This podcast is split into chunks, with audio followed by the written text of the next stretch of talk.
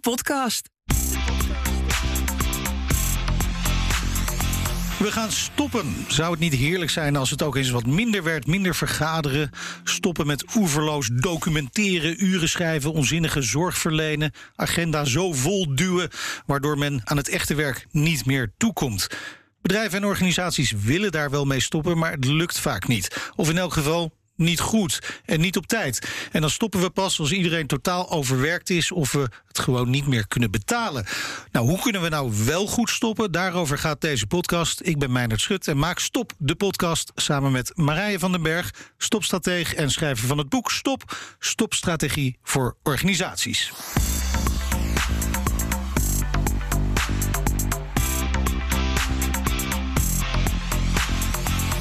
Marije, in welk eh, thema duiken we deze aflevering? We duiken in de zorg. Een omgeving waar het draait om effectiviteit, maar waar ook het motto geldt: bij twijfel niets doen. In dubio abstine. Oh. Terwijl er hoge verwachtingen zijn van ingrepen van medicijnen. Dokter, kunt u iets doen? Hoe ga je daarmee om? En er gaat natuurlijk ongelooflijk veel geld om in de zorg, maar dat geld wordt lang niet altijd goed besteed. Afspraken zijn er wel om de overdata en administratie tegen te gaan en overbehandeling en overdiagnostiek te voorkomen. Mooi woord, ga ik nog vaker zeggen. Maar hoe zorgen we ervoor dat dat ook echt gaat gebeuren? Ja, en onze gast is dit keer Ivo van der Beeld, cardioloog in het Haga ziekenhuis in Den Haag. Hij zet artificial intelligence in om het aantal patiënten in zijn wachtkamer drastisch te verminderen. Ivo, welkom, leuk dat je er bent. Dankjewel. Hoe groot is het percentage patiënten in jouw wachtkamer dat uiteindelijk helemaal geen hartklachten heeft of geen hartpatiënt is?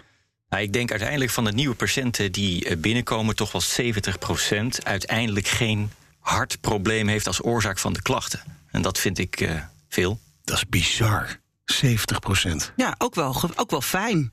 Nou ja, je weet natuurlijk niet wat de klachten dan Nee, wel veroorzaken. Ja, maar Stel je voor dat ze allemaal eh, hè, 100% echt hartproblemen heeft. Ja. Dan is dat weer een ander probleem. Maar gaan we vandaag niet, positief gaan we vandaag niet oplossen.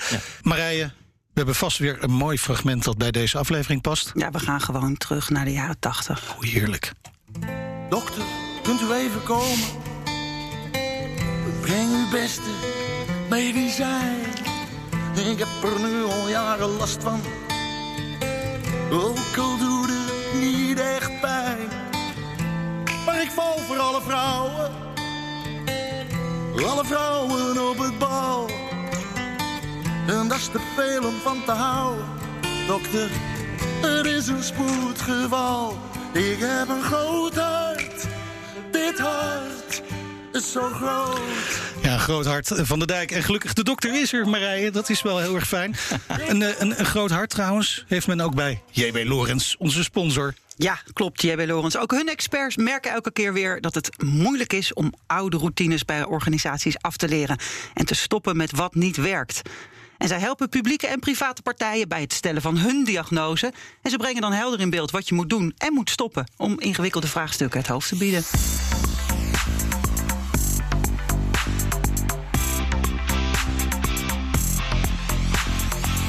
Ja, we gaan het dit keer dus hebben over stoppen in de zorg, Ivo.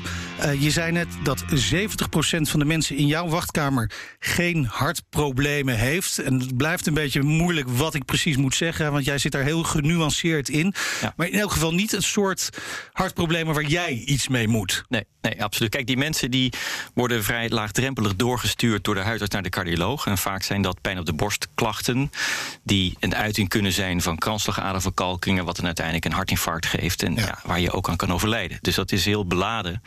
En een huisarts heeft vrij weinig middelen in zijn of haar spreekkamer om uit te sluiten dat die pijn op de borst, wat heel veel oorzaken kan hebben, stress, slokdarmproblemen, gewoon je spieren, je ribben, spanning, ehm, om te kijken of dat misschien toch van het hart is. En ehm, dat, dat hebben wij wel in het ziekenhuis. Al duurt het soms ook wel lang in een ziekenhuis voordat je het hele traject doorloopt om uiteindelijk te weten van nou, gefeliciteerd, het is niet uw hart. Het is wat anders. Soms Ja. komen we er niet achter, soms gaan die klachten ook vanzelf weg. Maar ja, 70% van die enorme hoeveelheid patiënten die wij per jaar eh, verwerken. Om je een voorbeeld te geven, wij hebben nou, wel een vrij grote cardiologische praktijk, maar wij zien ongeveer 45.000 patiënten per jaar op de polykliniek cardiologie in het Haga.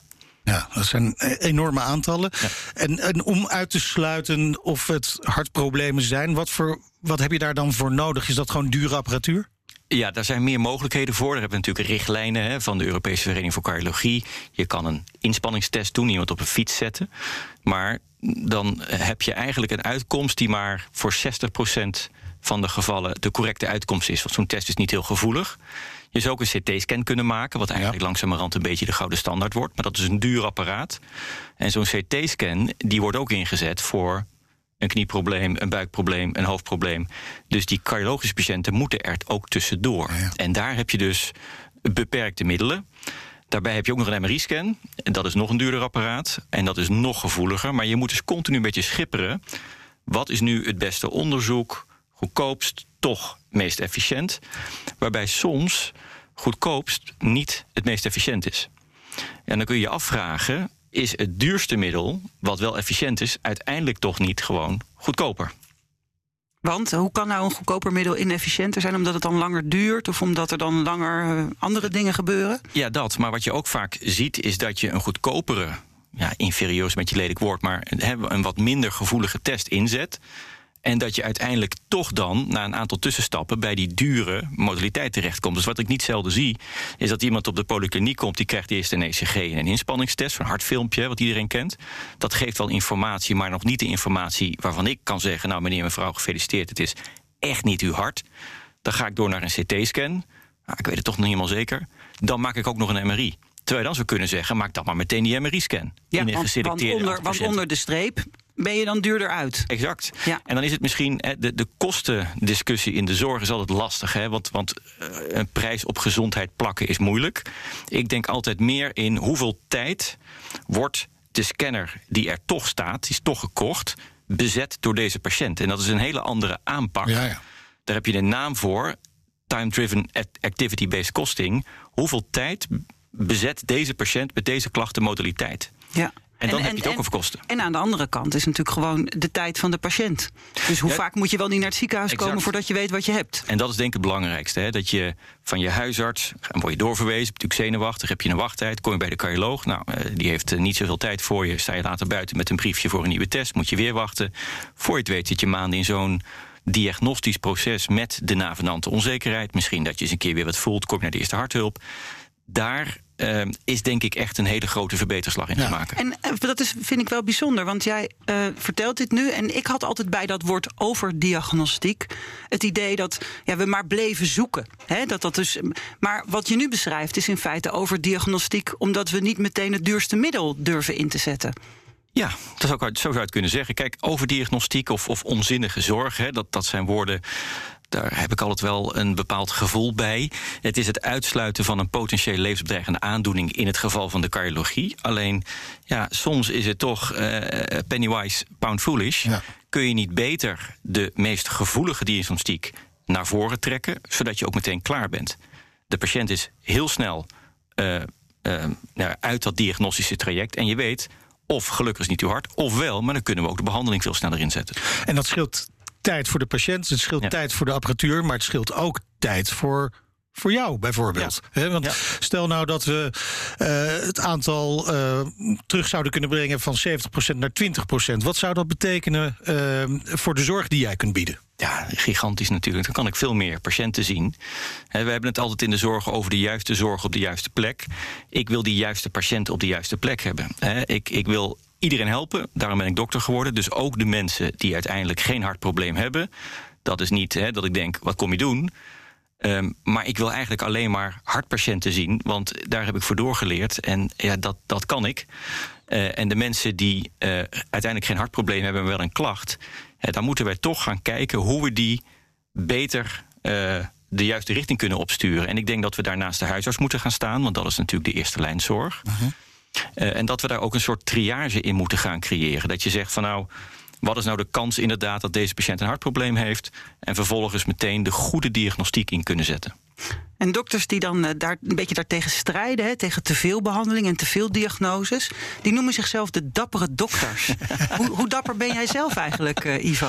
Ja, ik, ik, ik, durf mezelf geen dappere dokter te noemen. Kijk, oh ja, ik ben je gewoon... zit hier al.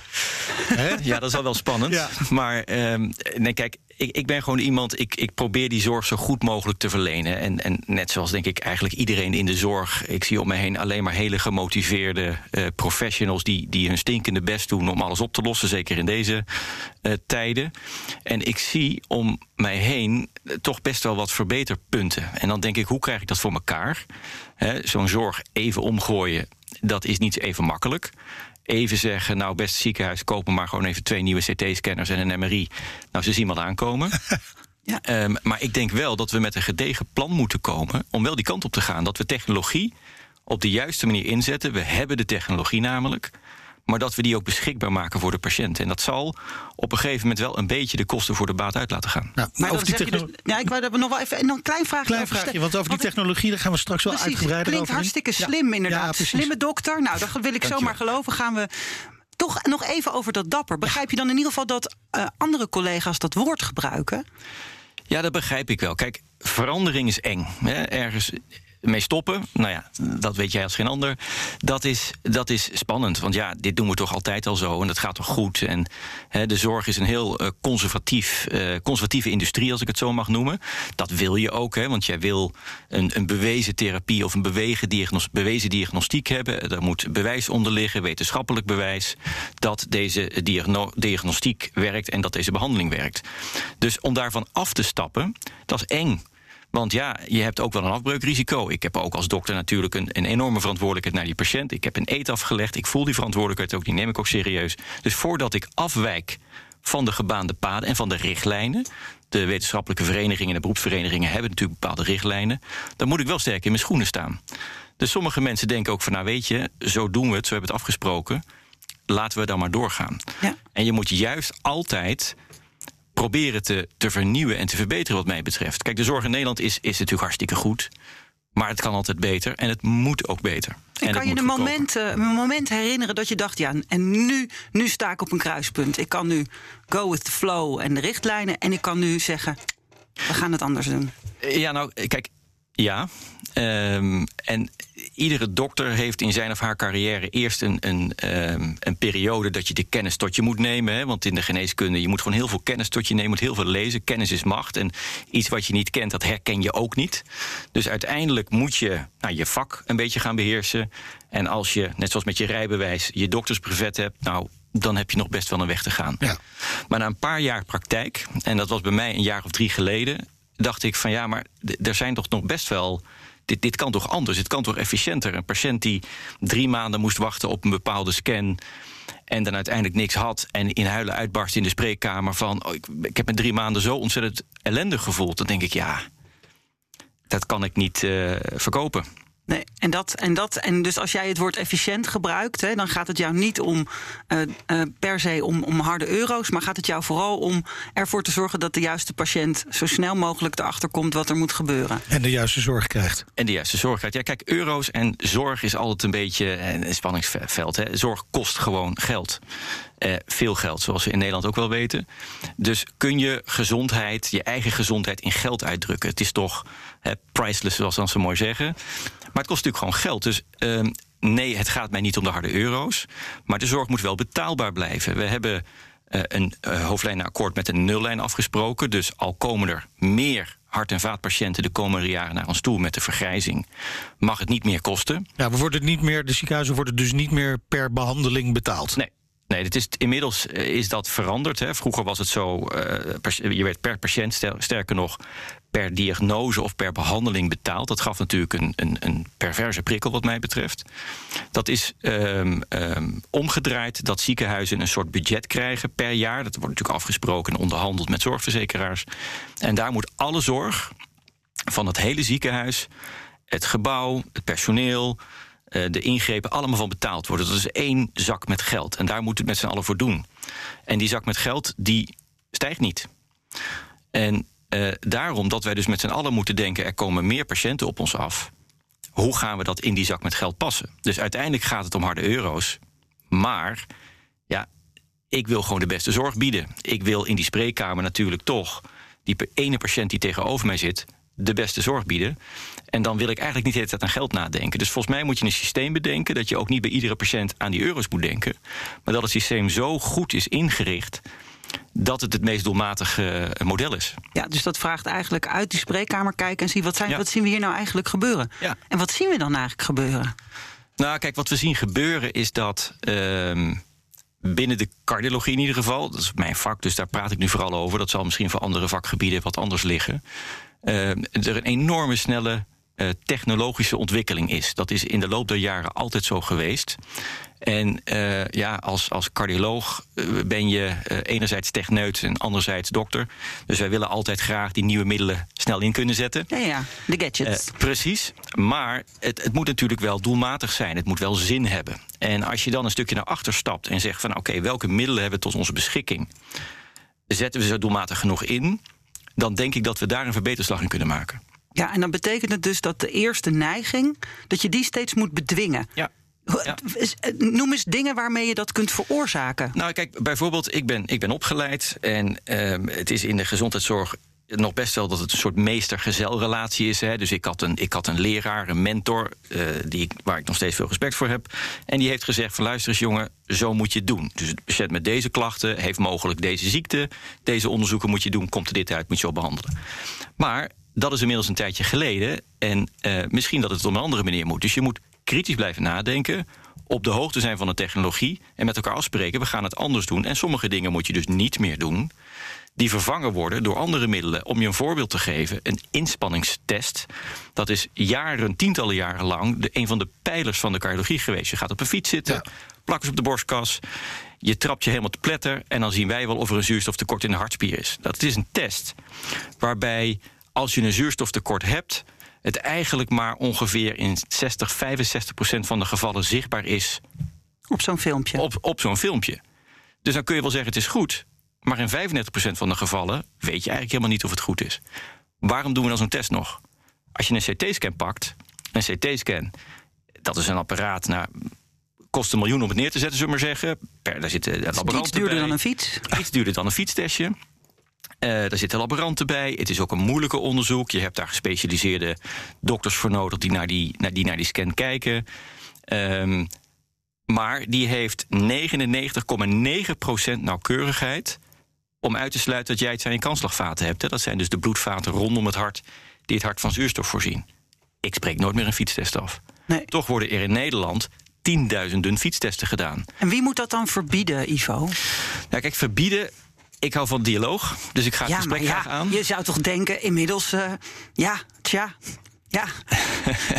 Nee, kijk, Zo- Zo'n dit- fietstest is gewoon kwakzalverij eigenlijk. bijna wel. Wij, wij, Toch? Ja. wij vinden dat. Ja, wij wel. Er zijn, Ja, er stop zijn, daarmee. Er Stop zijn nog een aantal. eh, nou, in een deel van de patiënten ben ik het helemaal met je eens. Kijk, er zijn nog wel wat indicaties waar een fietstest heel nuttig is. Oké. Maar voor het uitsluiten van kanslagaderverkalkingen vind ik hem eigenlijk obsoleet. En vind ik inderdaad dat je ermee moet stoppen.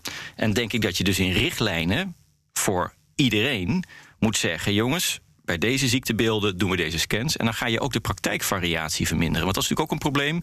Als jij in de ene praktijk zit waar enorm veel innovatie plaatsvindt. Waar je heel veel slimme collega's hebt die continu jou overladen met kennis. En je zit in een soort verbetercyclus, zeg maar is het veel makkelijker om te zeggen... nou, we doen een CT-scan, want ik heb het apparaat en ik weet hoe het werkt... dan als jij in een andere praktijk zit... Nou, waar misschien die cultuur wat minder is. En daar denk ik dat je niet zozeer in die, in die verbodssfeer moet gaan... maar dat je meer moet zeggen, jongens, dit is gewoon een betere kwaliteit van zorg. Ervan uitgaan dat iedereen dat wil bieden, en dat, daar ga ik vanuit.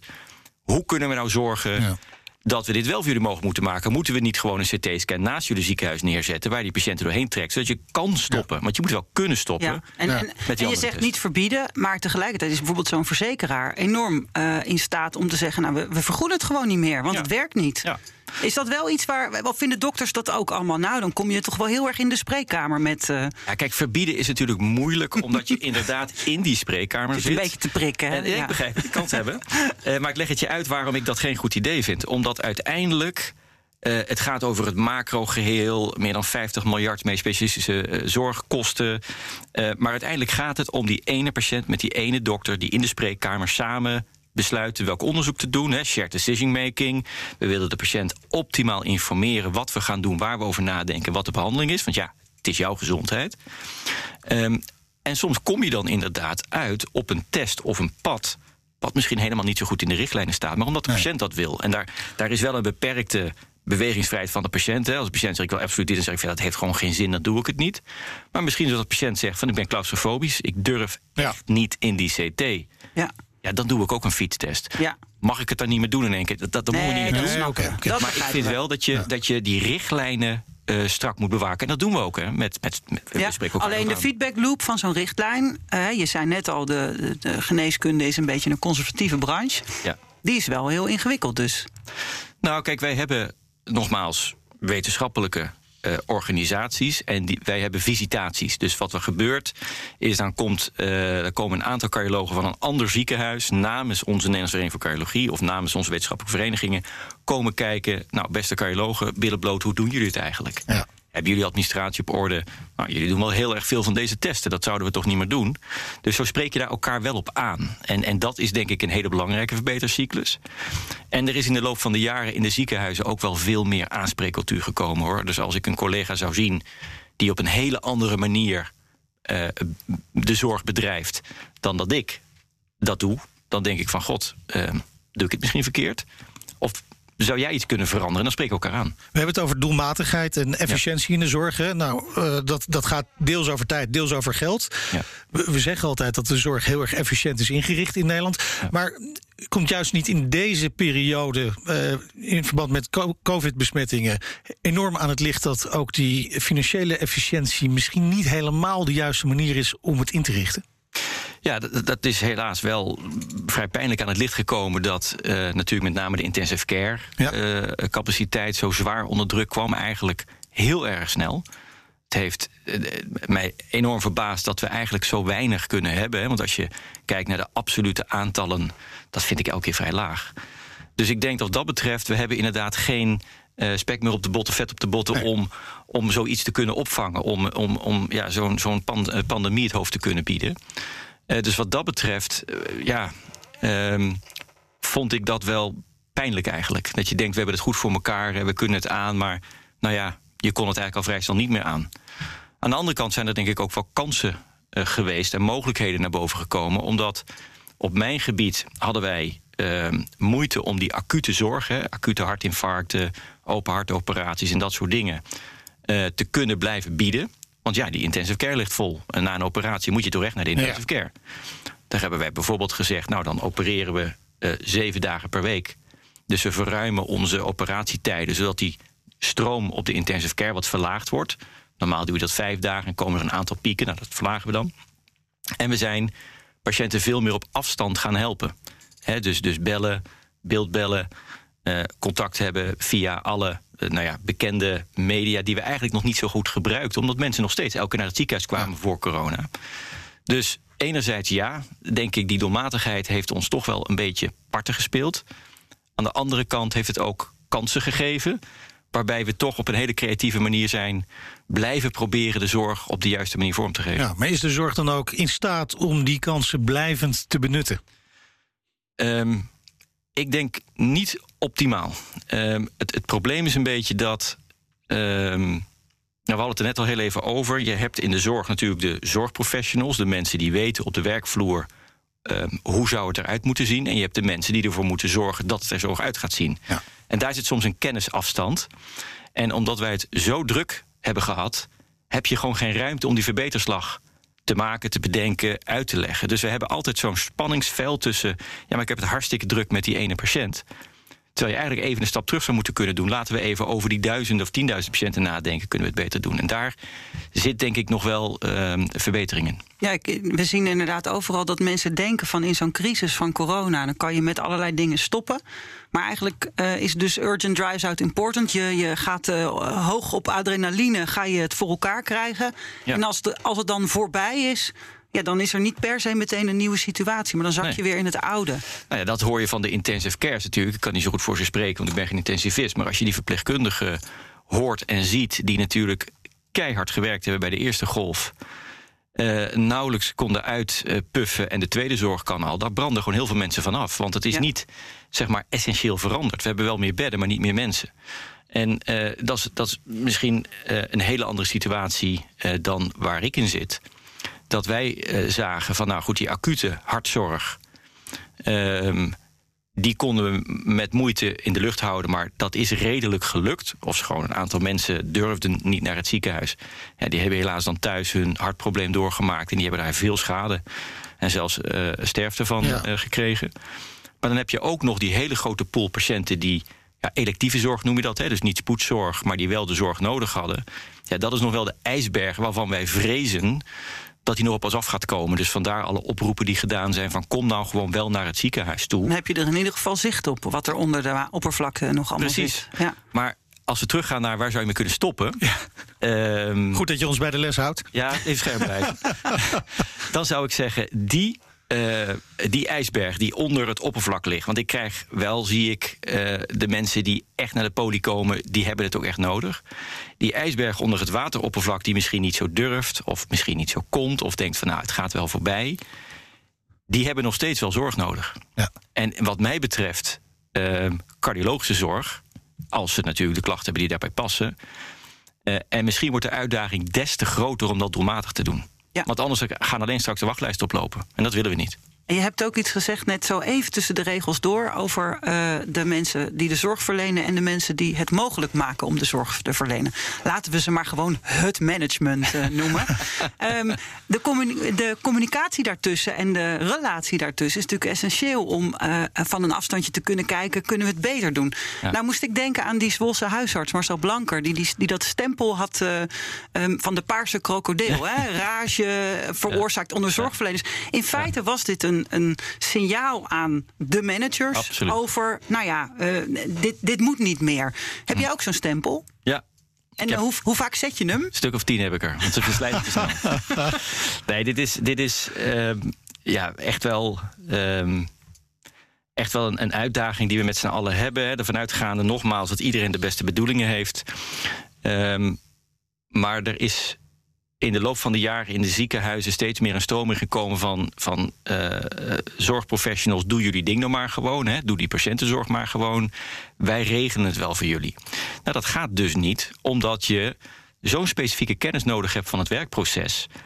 Ehm, je moet bijna wel een, een, een verpleegkundige en een dokter aan het roer hebben staan om die boel te regelen.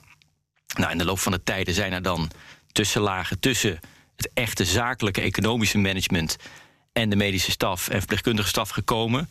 Unithoofden wordt dat dan vaak genoemd. Dat zijn dan vaak zorgprofessionals die ja, clusters Een aansturen. soort conrector, zeg maar. Zoiets, zoiets. Ja. Ja. zo, zo zou je het kunnen zien. Ik weet niet of deze termen in dank wordt afgenomen in mijn eigen ziekenhuis. Maar Ik kan me herinneren dat je die te vriend moest houden op school vroeger. ja, ja.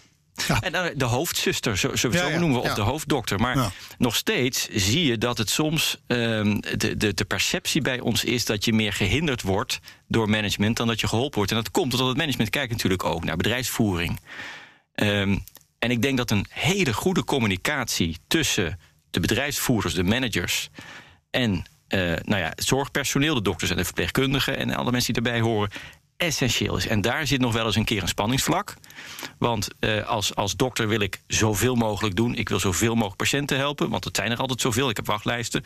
Maar zo'n manager kan een heel ander belang hebben en zeggen van ja, maar luister, kosten, doelmatigheid. Misschien dat de cardiologie wel niet het enige vak is in het ziekenhuis en dat ik andere vakken ook moet bedienen. Dat wil ik natuurlijk niet horen. Maar ik begrijp heel goed dat Ja. zo'n Zo'n manager patiënt dat is meer dan alleen zijn hart. Ja. Precies, ja.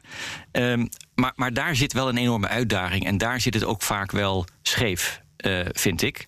Ehm, ik denk dat je professionals wel echt in de lead moet houden. Dat je zorg, of eh, kennisinhoudelijke mensen nodig hebt die aan de knoppen draaien.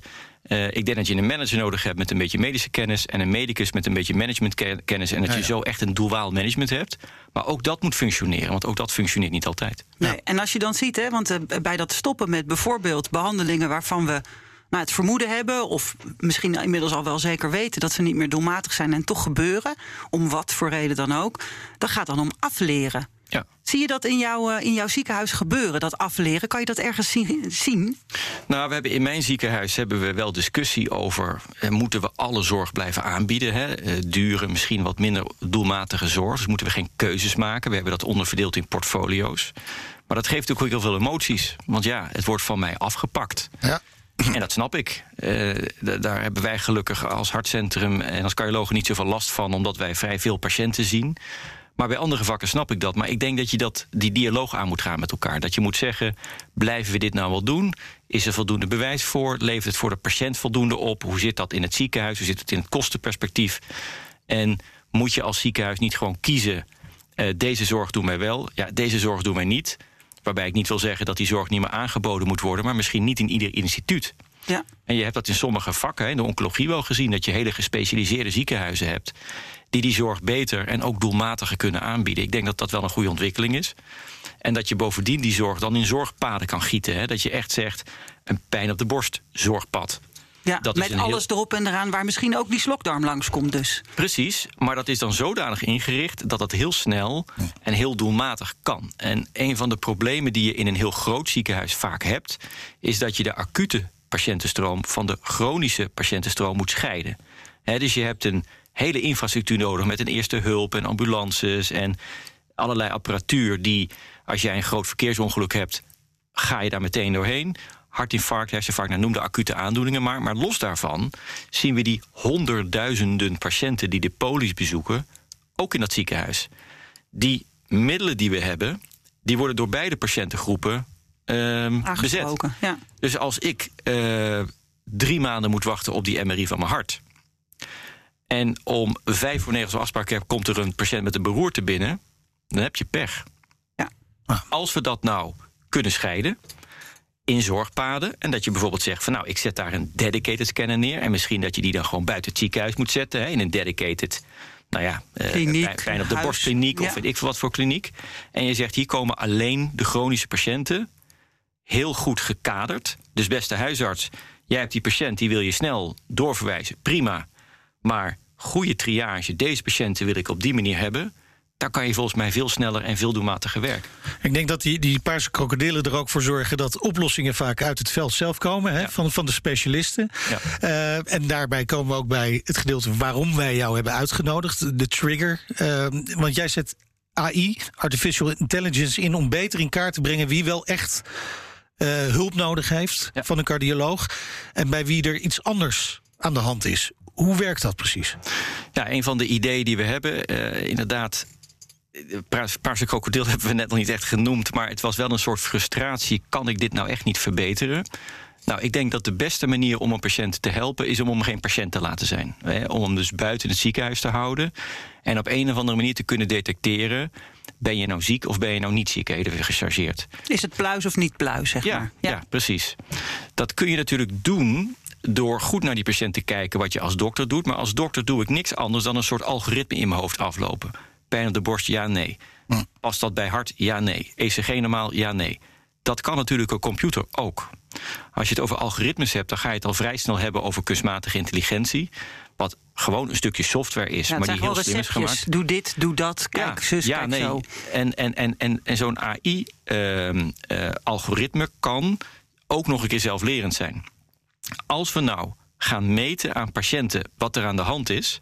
Bijvoorbeeld, ik zie dat jij zo'n uh, horloge om hebt, zo'n smartwatch. Ik heb gisteren gelijk de ECG uh, eh, aangezet ervan. Ja, precies, ja. Nou, een goede sinus. Je kan, hartstikke goed. Ja. Dat ding dat meet de hele dag, meet hij jouw hartslag. Of meet het jouw hartslag. Je hebt inmiddels ook temperatuurmeters, je hebt inmiddels saturatiemeters, et cetera. Dat doet hij de hele dag door en daar kan je patronen in vinden. Uh, als namelijk je hartslag heel erg varieert, zou dat kunnen passen bij een bepaald type ritmestoornis. Maar je weet ook dat patiënten met een hartfalen, dus een verminderde pompfunctie, minder variatie hebben in die hartfrequentie. Dat noem je hartslagvariabiliteit. Zo'n ding, dat meet 9000 hartfrequenties per dag. Elke dag, elke week, elke maand. Dus beter dan een dagboekje moment... bijhouden. Zo is het. En je hoeft er niks voor te doen. Want ja, je draagt een hè, mooi ding en je kan er heel veel mee. Um, dus als je dit aansluit op een dataplatform, dan heb je op een gegeven moment miljoenen datapunten van jou in een databank. Nou, daar kan AI heel veel mee. Als ik naar die datapunten kijk, dan denk ik, nou, het zal wel. Um, maar die AI gaat zeggen van, hé, maar wacht eens even. Die 25 miljoen punten van Meindert zijn anders dan de 25 miljoen punten van jou of van mij. En dan zeg ik vervolgens: Meindert is gezond en ik niet. Ja. En dan herkent hij dat patroon. En dat doet hij vrijwel zelfstandig. En zo zijn wij eh, samen met de Technische Universiteit Delft en met een promotietraject begonnen om te kijken: kunnen wij nou bij patiënten die we uitrusten met zo'n smartwatch, zo'n horloge, uh, de ziekte onderscheiden? man-vrouw onderscheiden, leeftijdsgroepen onderscheiden, maar ook eh, voorspellen. Eerst detecteren heb je ziekte, maar later voorspellen krijg je die ziekte. Nou, dat is een manier van gezondheidszorg doen, waarbij je eigenlijk al aan een soort preventie werkt. Hè. Dus dan kun je zeggen, als jij een goede sensor hebt, en ik heb het nu over hartslag, maar je kan er zoveel bedenken als er technologisch straks mogelijk worden, dan gaat de AI kijken, past dit bij een ziekte, past dit bij gezondheid? En dan zou je dus kunnen zeggen, ik heb een klacht, algoritme, past het ergens bij? Nee, past nergens bij. Of nou, je moet toch even naar de cardioloog, want dit past daar en daarbij. Dan kan ik bovendien dus heel veel mensen thuis laten. Maar de mensen die komen, die hebben waarschijnlijk ook wat. Ja, ja. En hoe voorkom je nou, want ik zit geïnteresseerd te luisteren en denk, nou, en dan straks hebben we een sensor in het toilet en om ons pols en, dat, en, ik, en, en daar kan je heel veel goeds mee doen. Maar hoe voorkom je nou het full body scan effect? Dat mensen alles gaan meten aan zichzelf en vervolgens uh, nou, daar bang van worden omdat er iets, iets is en dan vervolgens naar de dokter gaan en er weer niks is. Nou, kijk, die full body scan, dat zou ik juist willen. Ik zou een, een digitale avatar van jou willen hebben. Ik zou eigenlijk willen weten hoe jij er qua patronen uitziet als je gezond bent. Zodat ik weet als daar wat aan verandert dat je ziek aan het worden bent. En dat dat gedetecteerd wordt voordat jij het zelf weet. Alleen jij zegt dat mensen zelf gaan meten. Ja, dat moet je denk ik niet hebben. Ik heb wel eens mensen op de poli die meten elke dag een bloeddruk. En daar word je natuurlijk net te gek van, want dan gaat die bloeddruk omhoog. Dus je moet niet continu bij jezelf gaan meten. Oh ja, door het meten van je bloeddruk gaat de bloeddruk Precies. omhoog omdat je gespannen wordt. Ja, Ah ja. ja. hij, zal, hij zal wel weer hoog zijn. Ja. Ja, stress gaat hij omhoog. Ja. Maar het patroon van die bloeddruk, dus het patroon van meerdere metingen, is veel relevanter dan die ene meting. Dus ik denk niet dat je zelf moet gaan meten.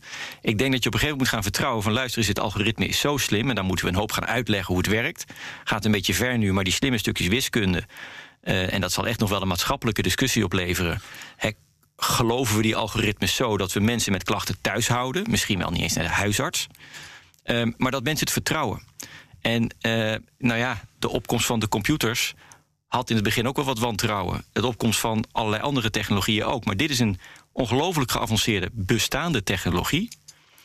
Die ons ontzettend veel kan gaan brengen door heel goedkoop. Hè, want als het stukje algoritme bestaat, ja, het vraagt geen salaris meer. Het vraagt alleen de computer waar het op draait. En dat is hartstikke goedkoop. En je kan daar één of een miljoen of een miljard mensen op laten draaien. Dat maakt niet uit als je maar voldoende rekenkracht hebt. Dus je kan een hele bevolking gaan bekijken, gezond of ongezond. En als je van veel ziekten zo'n ziektespecifiek patroon kan vinden van die type sensor, hartslag, temperatuur, et dan kan je die zorg, denk ik, echt veel doelmatiger inrichten. En dan ben je van die fietstesten af. Dan ben je misschien ook wel van heel veel CT- en MRI-scans af. Ja, wat een mooi voorbeeld wat er in, in mijn boek ook eh, heb, wat ik heb gevonden, ging over een, eh, een ziekenhuis waar ze eh, dus inderdaad allerlei gegevens hebben be- verzameld om een betere diagnose te kunnen stellen. Moet iemand naar de IC met pijn op de borst of niet? Nou, wat daar wel ook uit bleek, was dat ehm, eh, al die verschillende data. Als die dokters zo'n schemaatje zagen met wel twintig verschillende waarden. eh, dan voorspelden die weliswaar eh, het goede. Maar ze hadden toch niet het idee dat het nou zou werken. En het grappige was, ze hebben vervolgens al die data weer weggedaan.